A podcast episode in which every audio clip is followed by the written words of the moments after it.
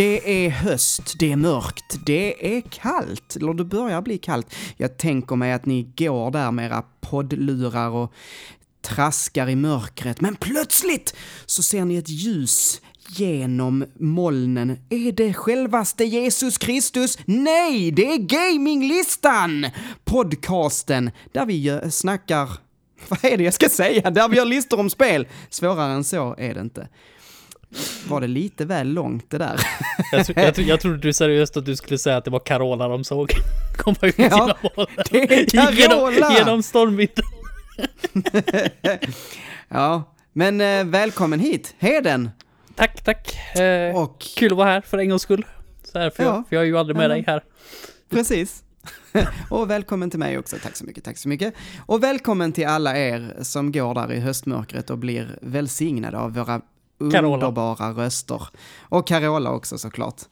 Eh, eller hur Carola? Oh, yes! Idag ska vi prata kvinnliga karaktärer i spel. Yes, det är simpinglistan idag. Vad sa du? Det är simpinglistan idag. Vad betyder det? Varför vet du inte vad en simp betyder? Det är ju såna här, du vet som... Eh, du vet på Twitch är när det är så det här lättklädda kvinnor som sitter på eh, Twitch och streamar i- från sina badkar och så är det män som skickar pengar till dem. Jaha, Det är simps. Heter det... Jaha. Jag trodde det var en fiskart. Det, du, Ja. du, det kanske det är också. Jag vet inte. Ja, eller simpa eller något sånt. Jag vet inte. Vi får kolla upp det. Yes. Det, det är inte det jag är expert på Nej, du direkt. låter som en riktig boomer nu faktiskt, Manuel. ja, lite så. Ehm, innan dess bara, innan vi ska prata simpor, eh, så, så ska vi faktiskt eh, prata lite annat. Och det första jag vill ta upp, det är att det är nu när detta släpps, om jag nu faktiskt släpper det på rätt dag, typ en vecka kvar att nominera till Guldpodden.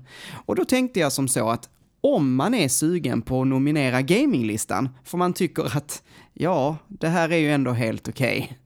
Då kan man få lov att göra det. Och eh, kategorier, det finns en hel del olika kategorier. Ni får jättegärna nominera oss, om ni vill, till den här som heter Årets nykomling. För det är ju det vi är. Vi är gröna. Grön, gröna podden. Ja, gröna podden. Eh, gröngölingar. Men eh, så jättegärna om ni vill, och då är vi så himla tacksamma. Eh, puss och kram på er. Eh, och sen som vanligt nu efter det så ska vi ju prata om vad vi har spelat lite. Men jag vill göra en liten, eh, eh lite annorlunda. För att jag har börjat spela eh, Metroid Dread. Mm. Eh, och eh, alltså, jag kan inte säga annat än att jag tyckte det var eh, bra. Eh, eller tycker, för jag har inte spelat klart. Nej, jag tänkte det. Jag du gillar- redan färdig. Nej, jag gillar det jag har spelat. Men jag har faktiskt börjat spela Persona 5 igen, Helen. Oh, jag har inget nice. att berätta om det. Men jag är fortfarande på samma palace och liksom grottar runt där. Mm. Men, men det är kul. Jag har spelat en två timmar typ. Ja. Ehm, och av Samus, höll jag på att säga, av Metroid har jag spelat ungefär fyra timmar. Eh, men eh, när jag började leta lite så på, innan jag köpte det, på recensioner och sådär, så såg jag att det är rätt många som har pratat om eh, svårighetsgraden i Metroid Dread. Och att det är olikt Nintendo att ha ett spel där man inte kan få en svamp som bara, så du bara flyger rätt igenom hela banan. um, och, och då började jag fundera lite, jag ville ta det här med dig. Alltså, för jag vet inte riktigt var jag står i det här. Um, diskussionen som går just nu är så här, ja, det borde finnas ett easy mode för Metroid och andra säger, håll inte på och snacka om easy mode, era jädra idioter, liksom. och, så, och så är internetjargongen igång, liksom. Men vad tycker du? Sku, bör spel ha ett easy mode? Alltså, alltså snarare än att, att de måste ha ett easy mode så tycker jag att alla spel ska ha ett, ett val med svårighetsgrader. Det måste inte heta easy just, men jag, jag tycker att det går inte att göra alla nöjda med en svårighetsgrad i ett spel. Det går inte. Det är alltid någon som kommer tycka att det är för svårt, eller någon som kommer tycka att det är för rätt. Så det är, det är min åsikt av det. Fin, finns det inga svårighetsgrader att välja med i, i Metroid Dread?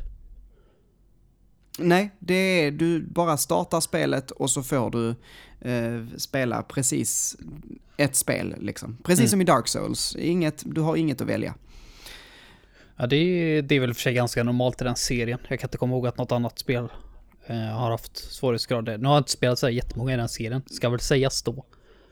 Nej, Men- och det är många som tycker att liksom man, hela grejen med Metroid är ju att gameplayet, eh, du kanske 95% av spelet kretsar ju kring eh, dess gameplay. Det är inte så mycket story, även om det här har liksom, vad säger man, Ehm, de har promotat det som eh, slutet på den här story-arken och sådär. Du behöver ju inte veta någonting om Metroid Story för att spela det här. För att du spelar det för gameplay. Mm. Eh, och då är det många som tycker att då sabbar man. Man sabbar tanken eh, som eh, spelutvecklarna har haft. Ehm, och att man kan också hävda att det är deras kreativa, alltså deras kreation, det är deras, eh, om man vill jämföra det med konst, liksom, det är deras eh, konstverk. Eh, och att då, om de inte vill lägga in svårighetsgrader, så är det deras rätt att göra det. Mm. Ehm, Ja, men det är det ju, det är det ju faktiskt. Sen om man inte Ja. håller med, det, det är väl en annan sak. Exakt. Och, och, och, det är lite där, det, där, där är jag med dig också, att visst, Eh, så, för jag tycker ju att man skulle definitivt, det här spelet hade definitivt mått bra av att lägga in valet. Um, för att man, man kan inte säga, jo visst, eh, de som har gjort spelet har en idé och det är deras idé och det är de som gör det. Men jag tycker de gör fel i sådana fall ju. Mm. Eh, och sen, sen så tyck, kommer jag spela, jag, jag, jag har inga starka åsikter kring det här. Jag, jag tycker också att det är jättekonstigt när folk börjar liksom svära och spotta och fräsa. ehm, för att man säger lägg in svårighetsgrader i Dark Souls till exempel. Ehm, Där kan jag väl dock tycka lite grann att eftersom det finns ett online-läge där man kan slåss mot varandra. I så fall att jag tycker inte det ska finnas ett easy mode i ett spel som verkligen handlar om att vara svårt. Där du kan få dessutom en advantage ändå och säga att du har kört igenom hela spelet på easy, skaffat allt det bästa gearet och sen så loggar du online och så manglar ner, manglar ner spelare liksom online. Nu har jag aldrig jag spelat den här serien så det kanske inte funkar på det sättet men Ja, Jag tycker nog ändå att någonstans får man gärna dra gränser också. Det kan ju finnas ett hard och ett normal liksom mode, men jag vill inte att det ska vara någonting som alla, oavsett hur duktiga de är på spel, ska kunna klara av i ett spel som Dark Souls. Det, det kan jag faktiskt hålla med om. Ja, men alltså, jag, jag ser det så här. Eh, jag ser det som att eh, ge- folk valmöjligheter. Och jag tycker inte... Det, sen, jag behöver inte något easy mode till Dark Souls. Hade jag spelat det mer? Nej, antagligen inte. Jag tyckte det var kul precis som det var. Mm. Eh, och det här med online-läge, man spelar ju inte mot varandra direkt, utan man invaderar ju varandras världar på något sätt. Mm. Alltså, det är inget, det, ett multiplayer-läge kan ju inte ha att någon har spelat på easy, någon har spelat på hard och den som har spelat på easy har det mycket enklare. Eh, för att den har mycket bättre gear. Alltså, det, det är en sak. Man, man vill inte göra det o, ojämnvikt mellan spelare. Men om jag sitter och spelar på easy hemma hos mig och du spelar på hard hemma hos dig, det spelar väl ingen roll? Nej, Ehm, men i så fall tycker jag att de som spelar på Easy ska bara kunna invadera sådana som bara har spelat på Easy. Och tvärtom. Det, ja, det tycker alltså, jag att, att lägga, det- lägga in dem i någon Om det spelar som, någon roll liksom. Ja, om, det, om man kan få ett advantage liksom och dra Mm. sig igenom spelet fortare till exempel när det är nytt. Eh, och, eller klara de svåraste bossarna i spelet på Easy och få de bästa vapnen Mm. till exempel. Då tycker jag att jag inte att de ska få en fördel för det, för att de valde att spela det på, på Easy. Men om det bara är, alltså storyspel ska alltid ha en svårighetsgrad. Mm. Så att alla kan ta sig igenom det oavsett hur bra eller dålig man är på spel. Jag kan tycka det också. Jag, jag kan tycka det också. Och det, fin- det, jag har också hört en annan, det var någon som gjorde en liknelse med att, ja men det är som om man försöker göra en, eh, en allvarlig eh, film, säg att man vill göra nästa, eh, jag vet inte vad det var för någon film, säg Avengers, någon eh, för vuxen, och, så, och sen så eh, för att det ska vara för alla så måste man lägga in SpongeBob i filmen. Ehm, Det var nog den det tycker jag inte sämsta riktigt- jämförelsen jag har hört i mitt liv tror jag. ja, ja, det är, det, det är så jädra dumt. Det, och, och det är mer, det är mer så här att man har alternativet att i DVD-menyn lägga in SpongeBob på ett par ställen. Alltså jag är absolut Alltså- för idén, men inte just på grund av det. Nej, att jag vill ha alltså, men- in SpongeBob överallt. Men det är ju inte, det är ju inte så att, att bara för att det finns en svårighetsgrad så måste alla spela på den. Eh, jag vet Ja, det är inte. Jag tror att fascinerande. det finns de som blir lite butthurt bara för att eh, eh, man tycker det är viktigt. Alltså man, man, man lägger sin eh, liksom självrespekt på något sätt i det här att jag klarar svåra spel.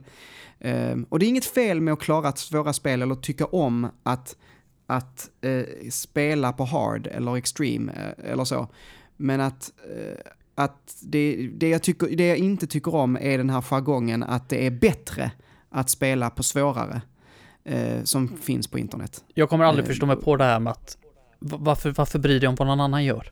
I ditt singel. Det, det, det finns så mycket, det, inte, det, handlar, det kommer även utanför spelets värld. Med folk som bryr sig om saker som de inte har med att göra. Bara, Mm. var, varför skulle det störa dig? Det stör inte mig. Att folk spelade typ, Muramasa hade ju på Wii som jag spelade igenom och på PS Vita hade ett easy och ett hard mode.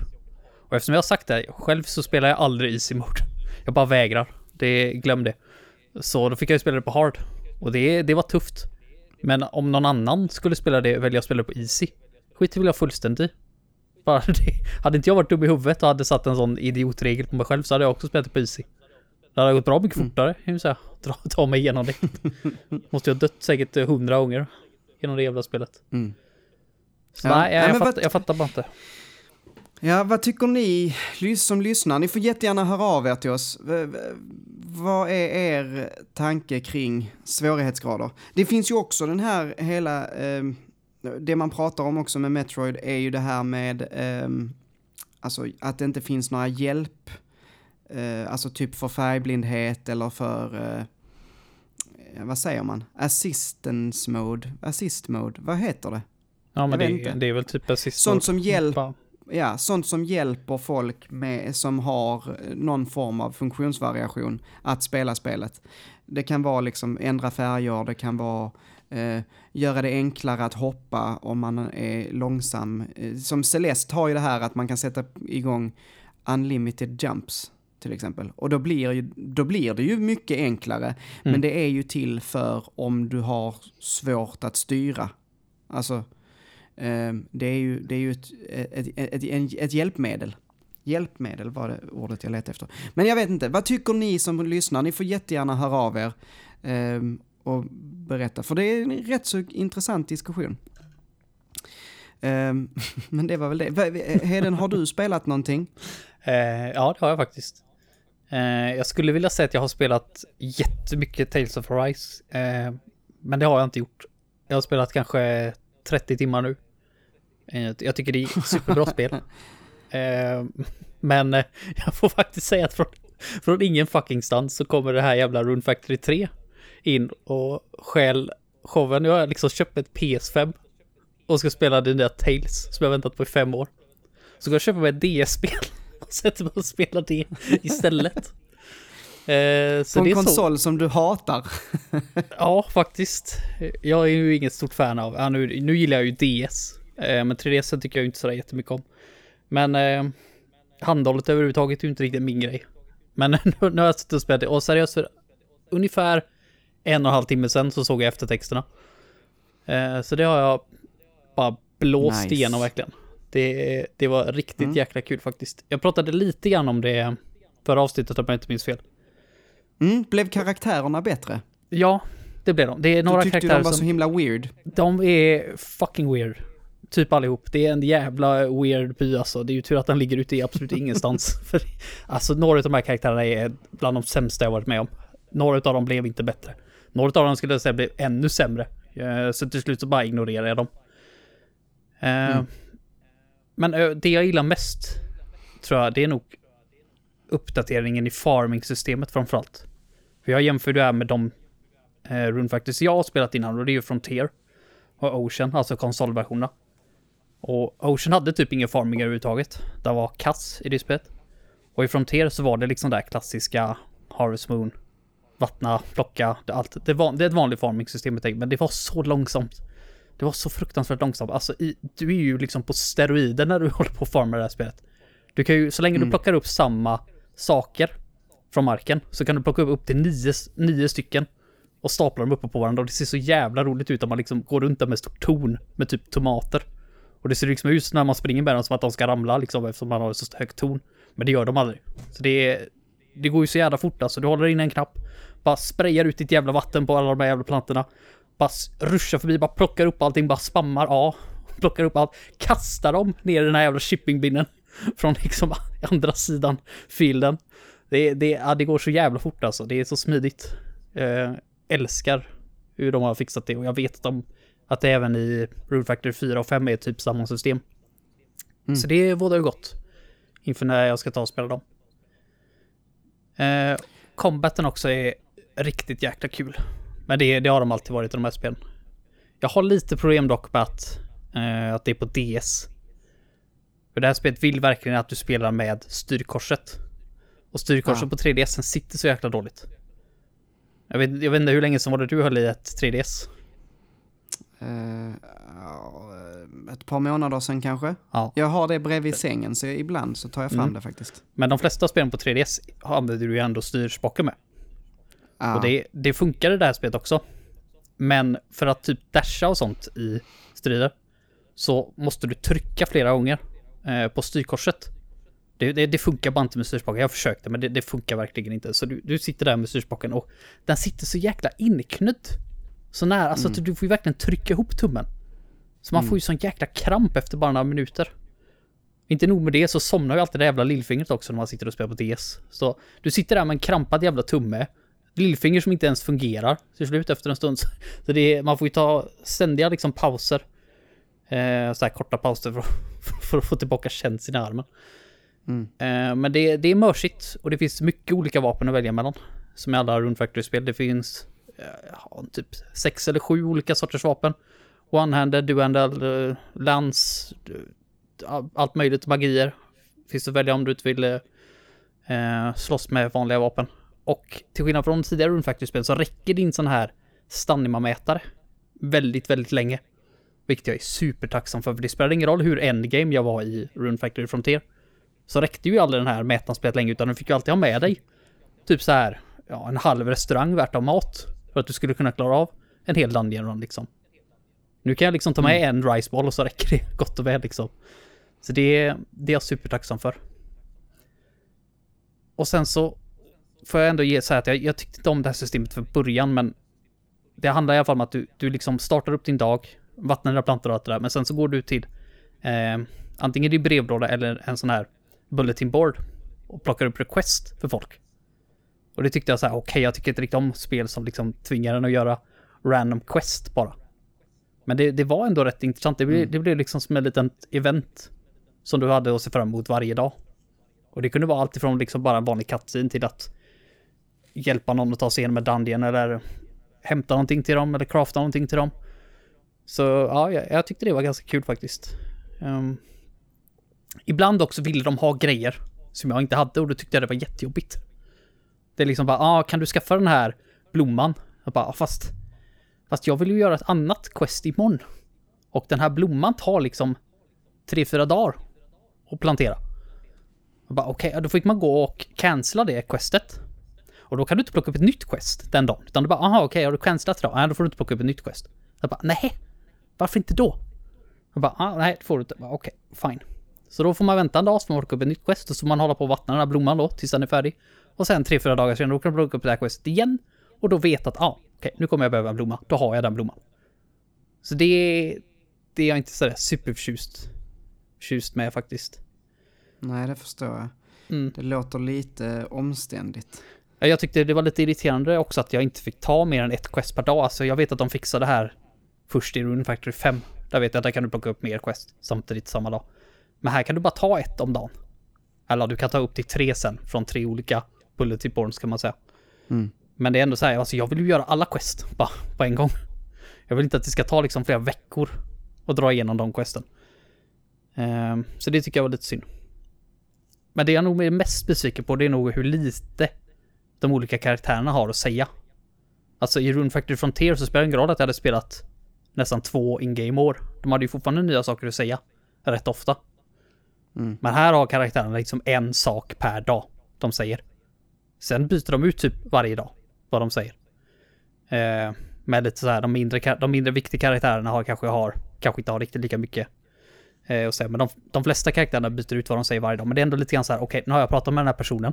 Nu behöver jag inte prata mer med den idag. Överhuvudtaget, för den kommer inte ha något annat att säga. Och det tycker jag är lite synd. Liksom, om du hade kommit fram till mig klockan åtta på morgonen och jag hade sagt eh, I like shorts, very comfy and easy to wear. Så kan du räkna med att jag säger det igen klockan 18.00. Bara, det, vem, vem gör så? Alltså jag vill, jag, vill, jag vill prata med folket flera gånger, jag vill ha, se vad de har att säga. Jag vill att de ska påpeka saker som händer runt omkring. Och inte bara ha liksom max en sak per dag och så får jag vänta ett dygn. Det, det blir jag lite förvånad över. Jag vet- inte om det har med platsbrist att göra i spelet, fast text tar ju typ inte upp någon plats överhuvudtaget så. Det låter väldigt konstigt. Uh, så det, det var jag lite besviken på. Och i Rune Factory Frontier, om du mötte en karaktär på något ställe du inte har sett dem i innan, så kunde du räkna med att de säger varför de är där. Av någon anledning. Och det tyckte jag också, också var intressant. Men de här jävla karaktärerna, de kan springa in i mitt hus. Så bara, okej, vad fan gör du här? Och så pratar jag med dem så säger de något helt random. Som inte har med saker att göra. Och sen så springer de ut igen. Bara, varför skulle du in i mitt hus? Varför är du programmerad till att springa in i mitt hus? Bara, "Vad- vad gör du där? De springer ju inte random, utan de har ju en viss sätt path de följer. Så det tycker jag, ja, det tycker jag är superkonstigt. Eh, skulle också vilja hört lite mer voice acting, men där har det väl med platsbrist att göra, för det Ja, vet jag det- att andra Det är Factories har mer. svårt på DS-spel. Mm. De har ändå relativt mycket voice acting ändå. Men det, det är ju framförallt story. Det är inte, det är inte så här många scener som är full voice acting på, utan det är oftast bara något ord liksom. Som varje karaktär säger. Mm. Men det är ändå rätt imponerande på ett original D-spel, som sagt. Och en sista not är väl att jag inte var förtjust i hur de balanserar. Det, det, Frontier hade precis samma problem. Alltså nu är jag färdig med storyn. Eh, och story, den sista story-arken börjar när du ska gifta dig. Eh, i, så att precis då så blir din partner du väljer att gifta dig med kidnappad. Sista dungeon. Sista dungeon var för övrigt asjobbig. För då har de designat så att du kommer fram till en dörr. Så bara, ah, okej den här dörren är låst. Och bara, ah, du måste typ Måste lämna en sak här. Liksom bara, ah, okej, undrar vad det är man ska lämna. Typ, är det typ Demon Blood eller något sånt där coolt? Bara, ah, nej. Lämna fyra gurkor.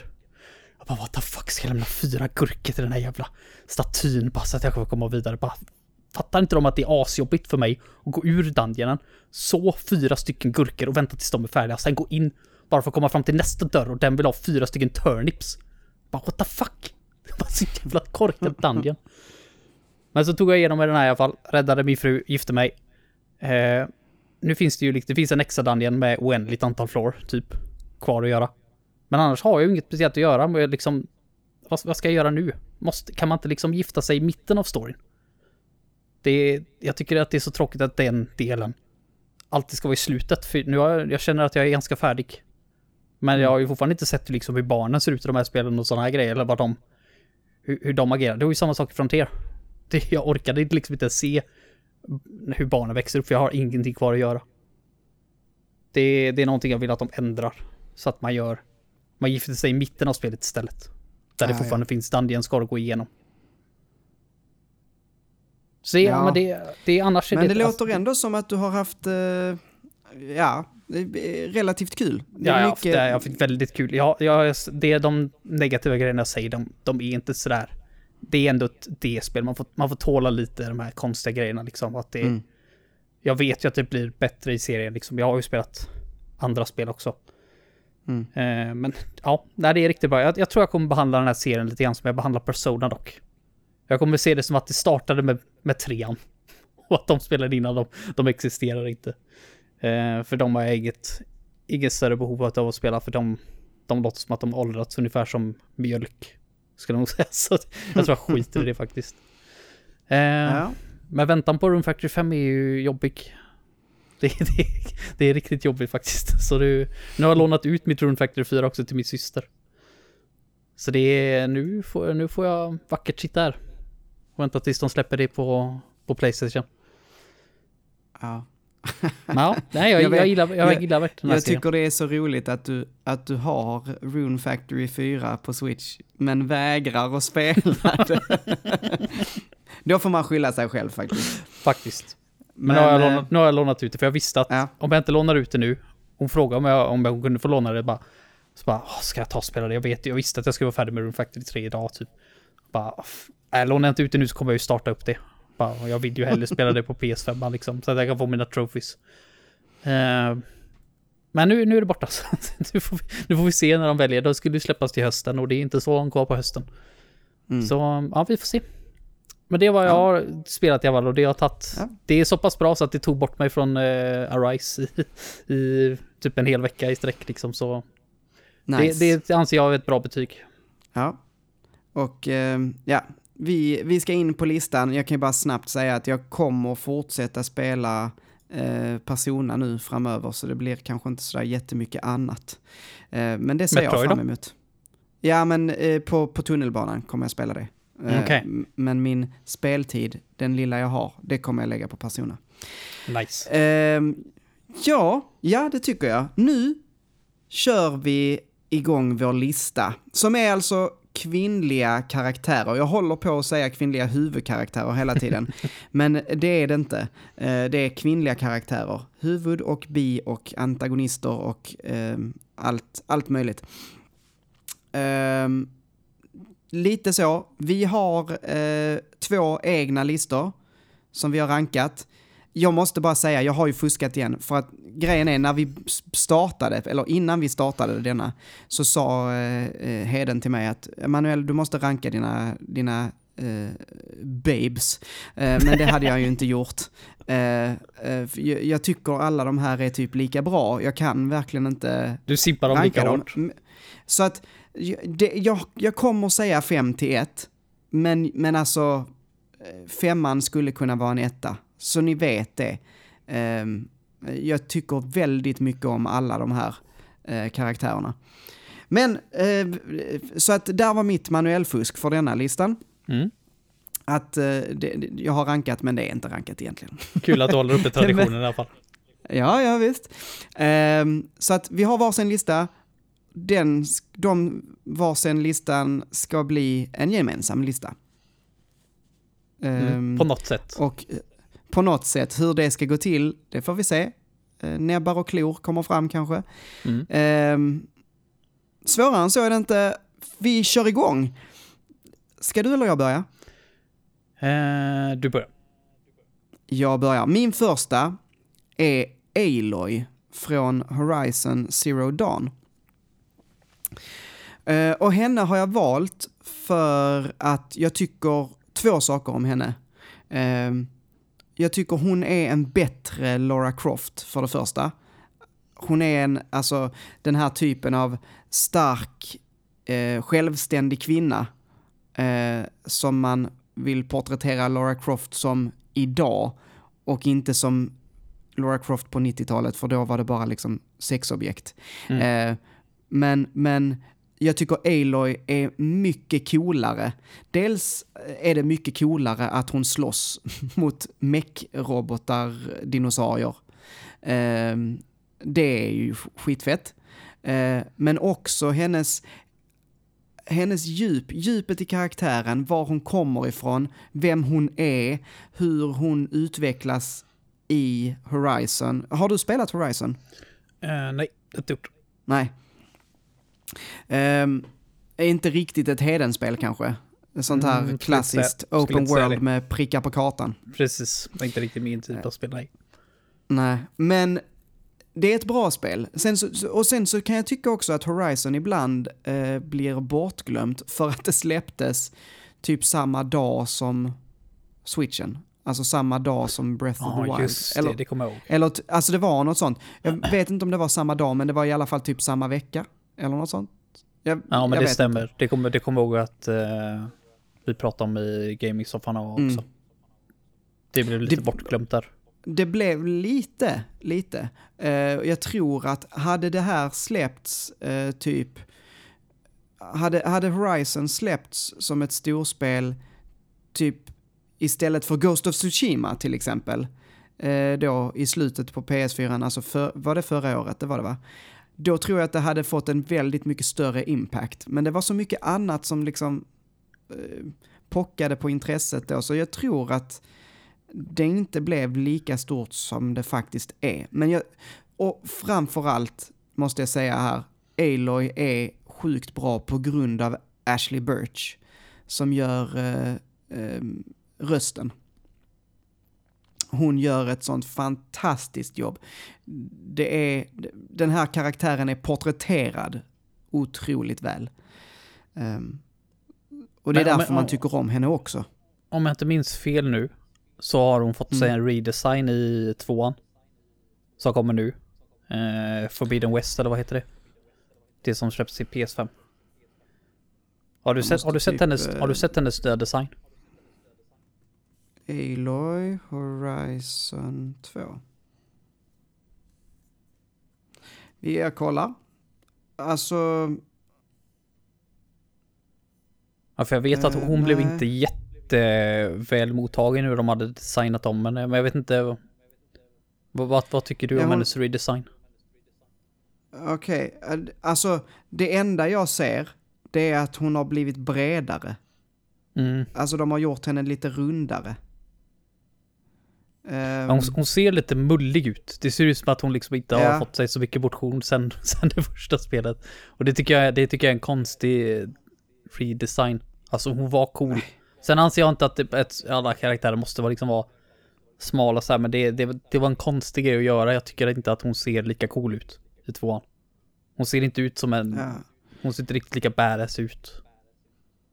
Jag vet inte, alltså jag, jag, jag har ingen åsikt känner jag. jag tycker att det är en så konstig grej att, alltså jag, jag skiter i om, om hennes, alltså jag försöker titta här på om det är fler, och man ser, det, det verkar som att folk har liksom tittat på hennes ansikte, tyckt att hennes ansikte är bredare och bara, ja, okej, eh, fan vad fult liksom. Nu är hon inte lika snygg. Jag, jag bryr mig inte, det är inte därför jag spelar... Alltså jag spelar inte Horizon för att hon ska se ut på ett visst sätt. Jag, Jag vet inte, jag tycker inte hon var speciellt Ja. snygg från början heller, men hon, jag tyckte hon såg cool ut. Hon såg väldigt, hon såg ut som att liksom Ja. där, en, en unik design och lite krigaraktig ut, men nu ser hon liksom ut som Ja, jag vet inte riktigt. Jag, jag, jag gillar inte Nej, men- riktigt den, jag gillar inte riktigt den designen på henne nu. Jag tycker inte hon ser ut som en sån krigare som ser ut att skjuta ner robotdinosaurier längre. Men det är, alltså jag, jag har- tror att det kan har vara du gamla kollat på trailern? Eh, inte Ja. mer än den som kom på, inte E3 Ja, för jag men tyckte trailern så, så bra ut och jag tyckte hon var cool då, liksom. jag har Men- typ bara men jag- sett de här jämförelsebilderna som folk har lagt Ja, upp på ettan. Men jag, jag tror att det var, som sagt, det var väldigt, väldigt, väldigt länge sedan jag såg de här nu. Så Ja. det kan bara ha varit något, något gammalt. Men eh, sen tycker jag också att det är väldigt, väldigt känslig bro att gå över också. Bara får en liksom kvinnlig karaktär inte vara mullig? Blir hon mindre cool då? Nej men exakt. Det, det är också Exakt. lite så här, Ma- det är en sak om man tycker att man har redesignat och gjort henne liksom, alltså om det är nå- något mer, att man tycker att hon ser inte lika cool ut. Men är det för att, ja men man har gjort, eller som, som Tor, har du hört talas om det? I, eh, i God of War eh, Ragnarok, som kommer snart. nej vadå? Har, har du sett bilderna? Du, eh, googla lite på, på Tor i, i God of War Ragnarok. Han, har ju, han är ju en sån jädra tjockis, liksom. Okej. Han är riktigt tjock. Vilket jag tycker är bra. För att han ska ju vara en stark jäkel. Om man tittar på såna här världens starkaste män, de är ju breda som tusan. Alltså de är ju tjockisar. Eh, han ser ut som en sån. Liksom. Mm, Han ser men han- ut men han att vara passar fortfarande i riktigt den- farlig. Ja, men han passar fortfarande liksom i den rollen på något sätt.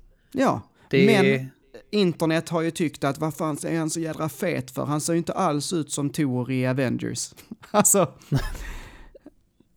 ja, det, det har blivit jätte, jättestor grej, uppståndelse för att han var tjock.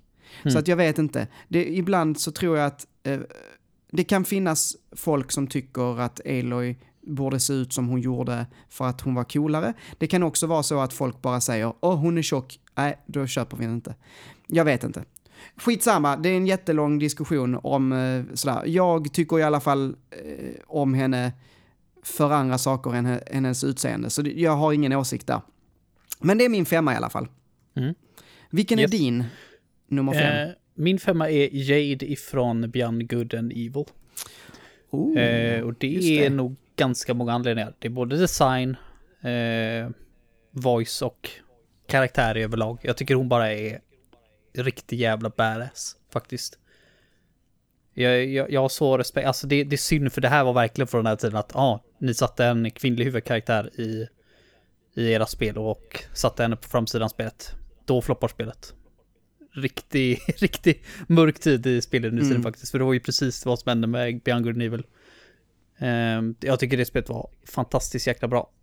Det är så gött också för det är väl en av de första större spelen tror jag med en kvinnlig huvudkaraktär som inte är ett totalt sexobjekt. Alltså, det, Mm.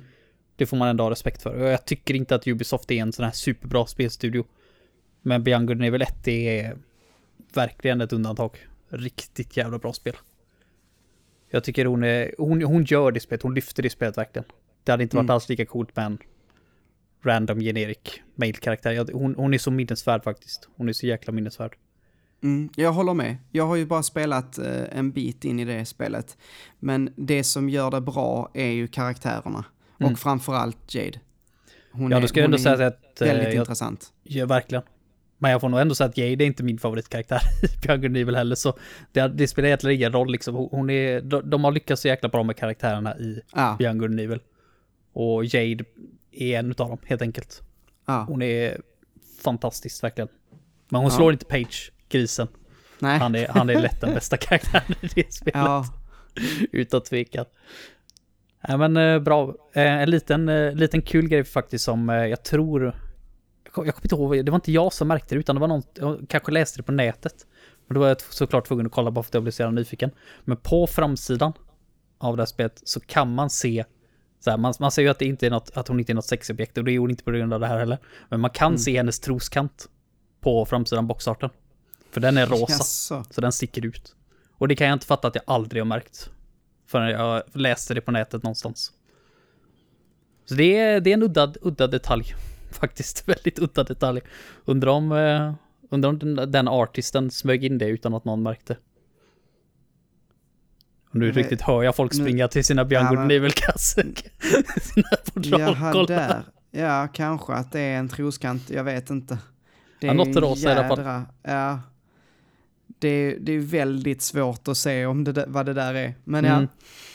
Nej men det är intressant. Och när, när, när får jag chansen att prata om det här nästa gång? Så jag tror, Ja, ja, men det- nice. ja. Mm. Okej. Vad är din fjärde plats då? eh, Samus Aran, eller Samus Aran, eller vad man säger. Eh, henne har jag med. Mm. Eh, för den som inte vet, det är alltså från Metroid-serien.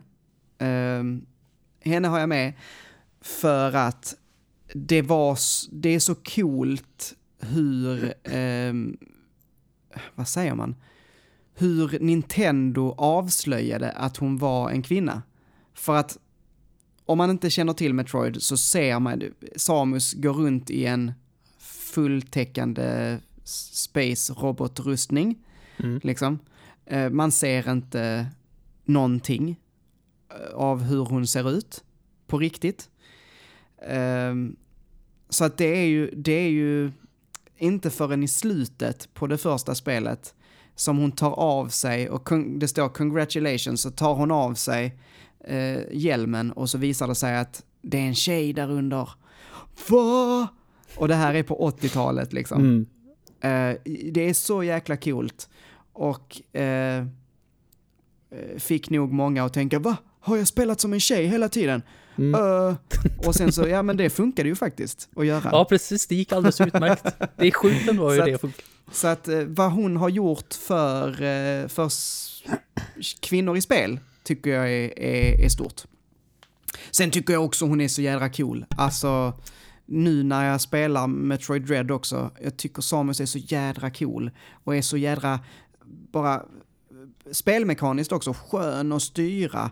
Det, är sån jädra skön känsla och du vet så springa genom en korridor och så bara precis innan bara, mm, det man kommer till en stängd dörr, pju, skjuta och så springer man rätt igenom in i nästa, eh, så dörren öppnar sig precis när man kommer. Det, det är sån jädra känsla, eller typ när man, eh, eh, vad heter det, i, i det här så kan man kontra, eller vad heter det, parera. Det är Mm. också riktigt skönt i det här spelet. Det är också, det är nytt från förra, det här, alltså remaken på tvåan. Där, där la man in det första gången. Men det är också en jätteskön, allting är bara så gött med morphballen. Så nice. Ja, det finns... Hur, det hur finns, mycket personlighet har hon i det där spelet? Hur mycket pratar hon? Hon pratar ju ingenting typ. Ingenting? Okej. Alltså jag har inte hört henne prata än. Eh, och det gör hon väl inte mer än i typ, vad heter det, Other M? Är det där hon pratar? Mm. Men fan, jag fick för mig att hon pratade lite grann i Fusion.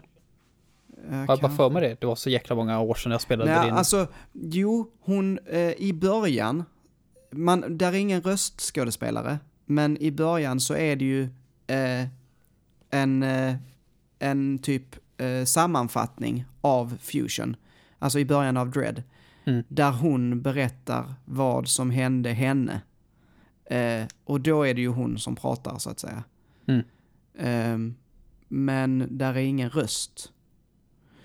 Ehm, och Nej, jag, jag- har inget emot det. Nej, egentligen. det är väl okej. Men Eh, det, jag det, det, det är några problem jag Link, har. till exempel. Ja, precis. Men det är, no, det är några problem jag har med Samus. Eh, för jag funderade på att ta med henne också nämligen. Mm. Eh, men det är just det att det verkar inte som att Nintendo själva riktigt vet vad de vill göra med Samus. Eh, och sen så tycker jag ju som sagt det du säger då, det som var på 80-talet där när de avslöjade det. Det är Mm. bland det coolaste som hänt inom Ja. spel. Det, så är det bara. Det är sjukt häftigt. Men där gör de ju henne lite grann till ett sex, sexobjekt också. Med tanke på att ju bättre tid du får desto mindre kläder har hon på sig när du är färdig. Och det är också Just lite grann det, så det är här så också. det- just det. Det är Mm. inte så gött faktiskt. Jag det- har bara sett, jag tänkte, för jag har bara fått det här att, eh, att hon tar av sig hjälmen. Mm. Så det är vad Men- jag har sett. Men jag tror, vad är det, hon, hon tar av sig ända ner till underkläderna tror jag. Jag tror det kan vara något sånt ja. Ja, och det är, det är lite off Nej, på det. Jag tar tillbaks det här. Jag tar Ja, det tillbaks bör- att det var det- något stort för, för liksom kvinnliga Ja, alltså det- gamers det och hade kvinnliga. varit Det det. Mm. handlade om sexobjekten då. Fan, jag mindes det inte så. Nej, men det är så tråkigt, för fattar du vad det hade gjort för kvinnliga karaktärer? Det, det, hade, Mm. det hade skjutit fram dem flera år i utvecklingen där liksom. Ja, men just eftersom de gör det här så blev det liksom inte mycket mer än, än ett sexobjekt i slutet. Då. Däremot för speedrun-communityn så gjorde det sig en hel del. Just det här att de skriver det tid. De alltså, fick incitament. Precis, Någon, någonting fick de för det här i alla fall. Liksom. Ja. Alla Metroid-spel är ju superpopulära speedrun-spel. Mm. Och det är ju just på grund av det här att de gav det ett incentive. Eh, Så sen om det incentivet var lite, ja, lite weird kanske. Eh, så, så, så eh, ja. Men ja, det, nej, oavsett, oavsett eh, eh, så tycker jag faktiskt att eh, Samus är värd en placering för hon, hon är cool eh, och eh, ja men bara eh, tyst, cool, ja, nu har jag Så- inget mer att säga. Nej, men så som, är, så som hon är projekterad idag liksom så, Mm, det, så, så är hon ju cool. mm. Hon är ju definitivt en, en viktig karaktär för de kvinnliga, för den kvinnliga liksom gaming, eh, eh, ja, delen. Så Ja. Det, ja, det, det håller jag med om. Det är synd bara att hennes past inte var så clean som man hade hoppats på kanske. Nej, precis. Fan, målar jag upp så världens uh, hjältar. Ja, Okej, vad, vad är din nästa? Yes, nu kommer vi in på mer hedenaktiga saker här. Eh, för på fjärde plats har jag Totori från Atelier Totori. Och det är nog framför allt över, för att jag gillar hennes eh, development i det här spelet. För det utspelar sig under typ sex års tid. Och från början så är hon en riktig försiktig tjej. Eh, väldigt blyg. Eh, har ju typ aldrig lämnat liksom sin hemby överhuvudtaget. Eh, men hennes mamma försvann när hon var liten. Eh, Så hon bestämmer sig helt enkelt för att bli en alkemist och en adventurer samtidigt. Så att du levlar ju upp på den adventure level, vilket är typ en vanlig level i ett spel, plus att du gör lite så här olika grejer om du utforskar eh, olika maps till exempel. Hittar lite så här olika la- landmarks och gör lite quests där så levlar du upp din adventure level. Och din alchemy level som du levlar upp via alchemy då. Så hon använder helt enkelt de här två grejerna till att leta efter sin mamma. Och som sagt, hon är ju superförsiktig i början, men i slutet av spelen så är hon ju riktigt jäkla cool. Och stark liksom. Jag anser att hon är en fantastisk karaktär. Hon är, Är också, hon- ska sägas, att hon är den yngsta karaktären i hela serien, vilket jag inte tyckte om från början. Hon är typ bara 13 år, tror jag. Och då kände jag, ja, okej, det kommer vara spela som en 13-åring, ja, men liksom, jag, jag, ger det, jag ger det ett försök. Jag hade inte tyckt om att spela som en 13-åring, oavsett kön, ska sägas. Eh, men hon, jag tyckte, jag tyckte hon var riktigt cool faktiskt. Eh, eh, för, jag kollar lite snabbt. Har du spelat, är det tre ateljéspel det finns? Det finns Eller det jävla massa kanske är fler fler. spel. Man har Ja. spelat typ 15-16 stycken. Åh jädrar. jädrar. Men det här, är, det här var det andra jag spelade. Mm. Så det här är det andra PS3-spelet. Är hon din, din favorit, så att säga? Det ska jag nog säga. Hon är nog delad, tror jag, med en annan. Men ja, jag skulle nog kunna säga att hon är min favoritkaraktär än idag. Jag vet, jag vet inte alls hur det här spelet håller upp sig än idag. Grafiskt sett så du, har du ju åldrat som, som mjölk igen då. Eh, Men jag tror att hon som karaktär, är, när det kommer till development, karaktärsdevelopment, så är det då en av mina favoritkaraktärer. Ja, ja spännande. Mm. Jag, Ja, det är som sagt, jag, jag kan nog inte sälja in hela spelet, så, eller henne mer än så, utan att spoila en jäkla massa, men eh, Väldigt kort, bara berätta. Visst är ateljéer också typ farming, eller hur är det? ja, det är ju crafting. Crafting. Mm. Så du plockar ju på dig grejer och så använder du alkemi-system. Det är ju liksom, tycker man, tycker man om att crafta i spel så ju, finns det ju inget bättre serie än ateljéer. Det finns ju inget mer invecklat system liksom. Mm. Sen kanske inte Tottori är det bästa spelet i serien längre. Men eh, ja, jag, har ju- jag spelade ju Atelier Raisa 2 här vet jag för eh, det var ju av de första spelen Mm, jag pratade om i den här podden. Mm. Och det är det första spelet jag inte har lyckats ta mig igenom för jag tröttnade på det så jävla hårt. Mm. Eh, halvvägs in igenom. Men annars har jag spelat... Jag, jag tror jag har spelat alla spel som har släppts utanför Japan förutom ett. Och det är för att det släpptes på DS. Och inte i Europa. så jag orkar verkligen inte bry mig. Faktiskt att jag ska vara helt ärlig. Ja. Men eh, ja, det kan ta, vi kan ta nice. mer om material en annan dag. Men Tottori Yes. är min fjärde plats i alla fall. Okej, min trea är Madeline från Celeste. Det är lustigt att vi pratade om Celeste nu precis också. Ja, just det.